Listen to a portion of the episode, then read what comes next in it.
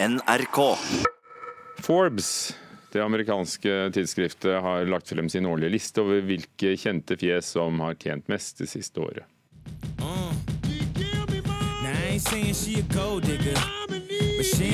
Now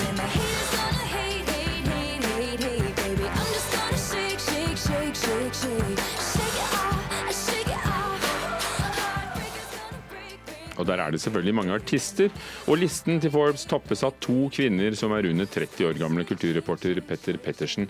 Hvem er det som har tjent aller mest? Det er den amerikanske artisten Taylor Swift, som vi hører litt av her. Hun kan smykke seg med både denne tittelen og med en solid kontoutskrift fra det siste året.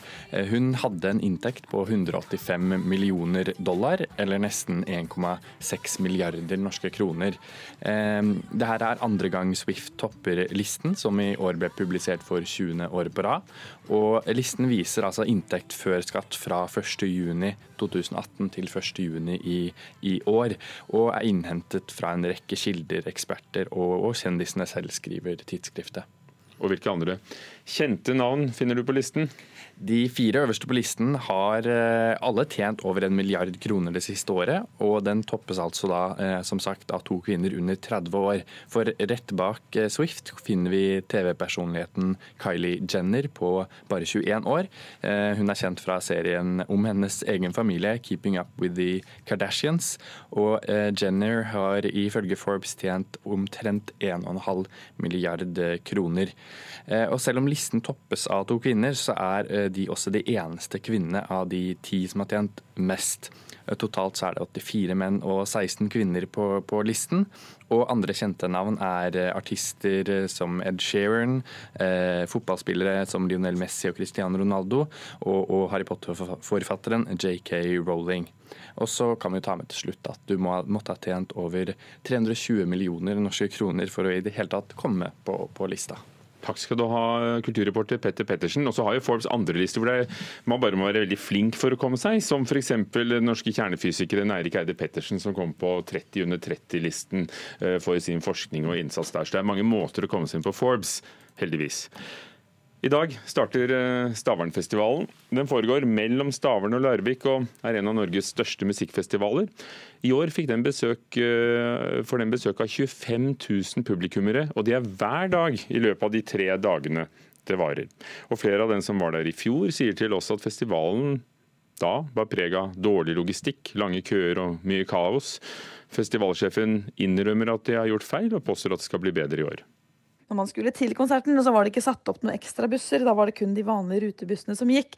Og den kapasiteten ble jo sprengt rimelig fort, så da måtte man vente. Og hvis man ikke fikk plass på første buss, så måtte man vente en halvtime på neste buss. Så da mista man jo gjerne et par konserter da, før man kom seg til festivalen. Det sier Jeanette Bolstad Krogsund, som dro på Stavernfestivalen i fjor. Musikkfestivalen arrangeres mellom Larvik og Stavern i Vestfold, og i år skal 25 000 festivaldeltakere igjen ta turen for å høre på artister og feste. Jeg syns atomkrig det er jævlig, men attesten kan jeg But if you close your eyes, does it Åge Aleksandersen og det britiske bandet Bastille er noen av artistene 25 000 festivaldeltakere kommer for å se. Men 25 000 mennesker krever logistikk. Og i fjor gikk ikke alt som det skulle. Jeg skulle kjøpe alkohol, og hadde jeg vist legitimasjon og fått sånne her drikkebånd som man må ha, da. Ja, Det var alt i orden, men fordi at brikka mi på sjølve båndet, den brikka jeg skal betale med, fordi den var registrert med feil fødselsdato, så fikk jeg ikke kjøpt alkohol. Du var vel gammel nok også? Ja da, jeg er snart 30, ja, så jeg tror kanskje at jeg er gammel nok til å drikke alkohol. Jeanette Bolstad Krogsund er ikke den eneste festivaldeltakeren som opplevde at logistikken på Stavernfestivalen fungerte dårlig.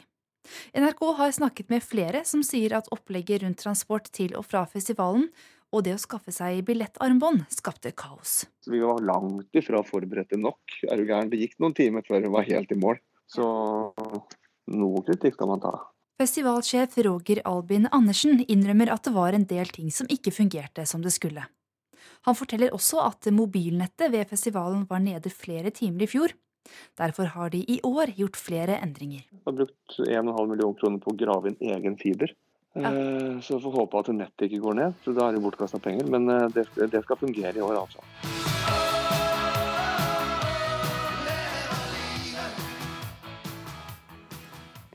Åge Aleksandersen, eh, som spiller på Stavernfestivalen i år, avsluttet Vibeke Sedekvists reportasje. Og vi er til stede vi med deg, reporter Guro Hatlo, på festivalområdet til Stavernfestivalen. Bare timer før første artist går på scenen. Hvor står du, hvordan ser det ut, hva skjer? Du, jeg står eh, på campen eh, på Stavernfestivalen, og det er telt så langt øyet kan se. Og hvis du har glemt telt, så kan du kjøpe et papptelt. Så det er masse papptelt som står på rekke og rad. Ser litt ut som en sånn flyktningleir eh, på noen av felta. Og det er veldig mange våkne. Jeg ble overraska. Det sitter folk ute og prater og pusser tenna og har det hyggelig.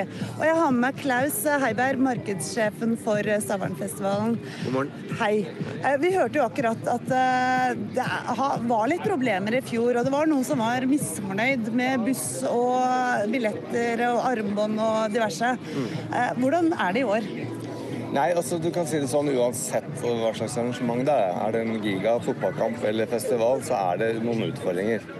Og vi prøver bare å løse det så godt vi kan. Er, eh, på campen her så kommer det 8000 mennesker. Norges største campingplass. Da blir det noen utfordringer. Så må vi bare løse det fortløpende. Og så Når det gjelder arena, så er det jo ikke sant, 25 000 mennesker. og da vi, vår, I fjor så tømte vi arenaen på 52 minutter. Og det er eh, etter planen. Og så vil det alltid være noen som er misfornøyd, og det er synd. Eh, men eh, Men hva, Hvilke tiltak har dere satt i gang i år, da? det er flere busser, da. Det er jo én ting. Så at det er tydeligere planlegging av hvor eh, bussruten skal gå. Hvilke veier det skal gå, og hvordan det skal komme seg dit. Man kan på en måte aldri forberede seg på det trykket som kommer da, på kvelden.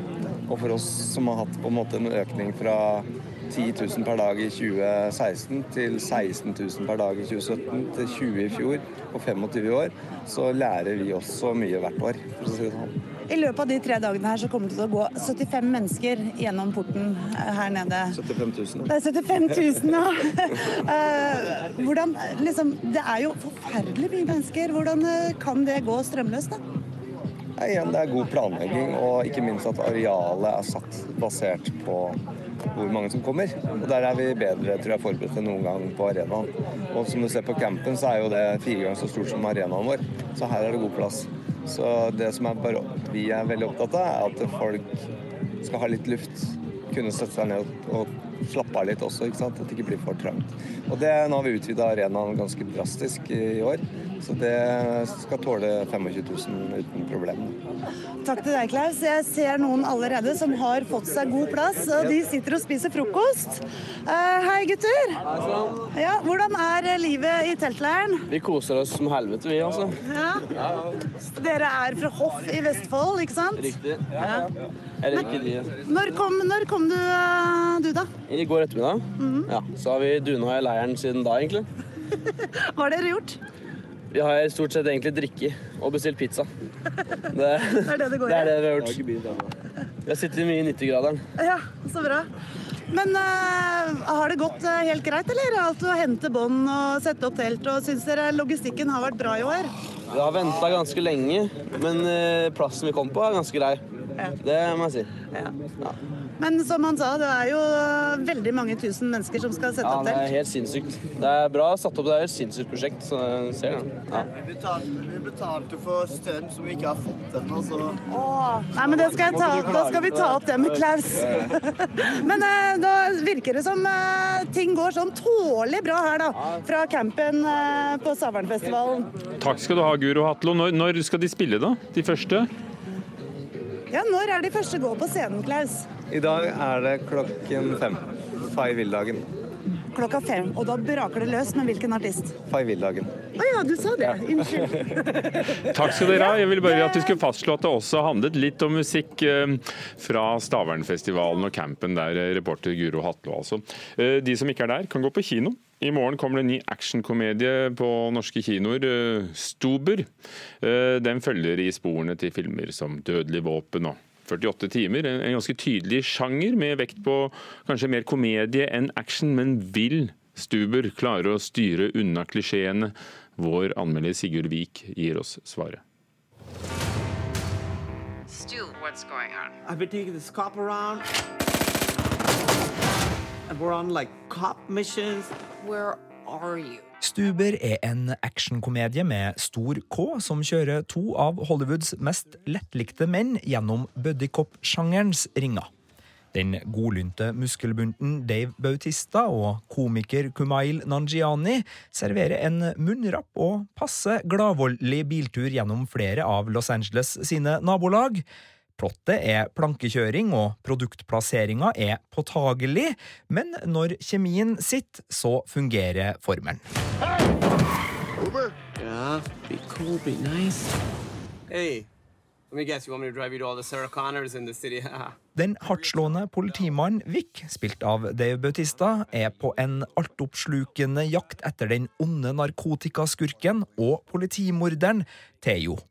Men da tipset som kan løse saken, endelig kommer, så har Vic akkurat laseroperert øynene sine og er bortimot blind for resten av døgnet.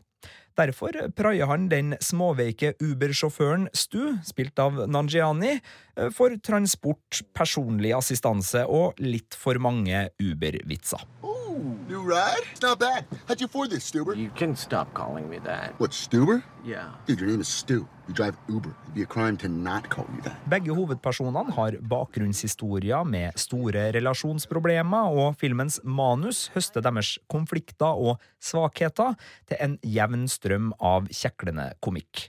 Eh, Blind voldsutøvelse er selvsagt også et vesentlig humorpoeng i filmens greit underholdende actionscener.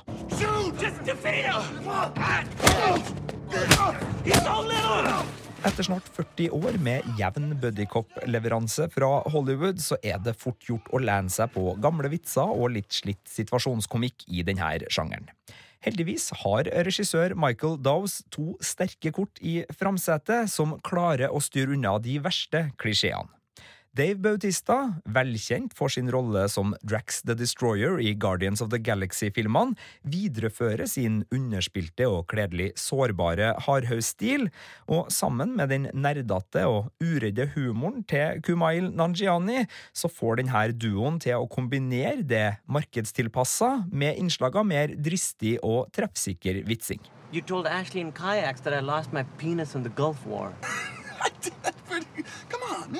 Et kult soundtrack, et energisk fortellertempo og flere stemningsfulle kamerakjøringer over Los Angeles gjør det lett å flyte med på denne drøyt 90 minutter lange bilturen. Elbilturen, for å være mer presis. Og ja, det her er selvfølgelig en sånn komedie som vitser om den slags. Operator, we need help. Someone's trying to murder us. Hello, operator, we need help. Someone's trying to murder us. Terningkast fire.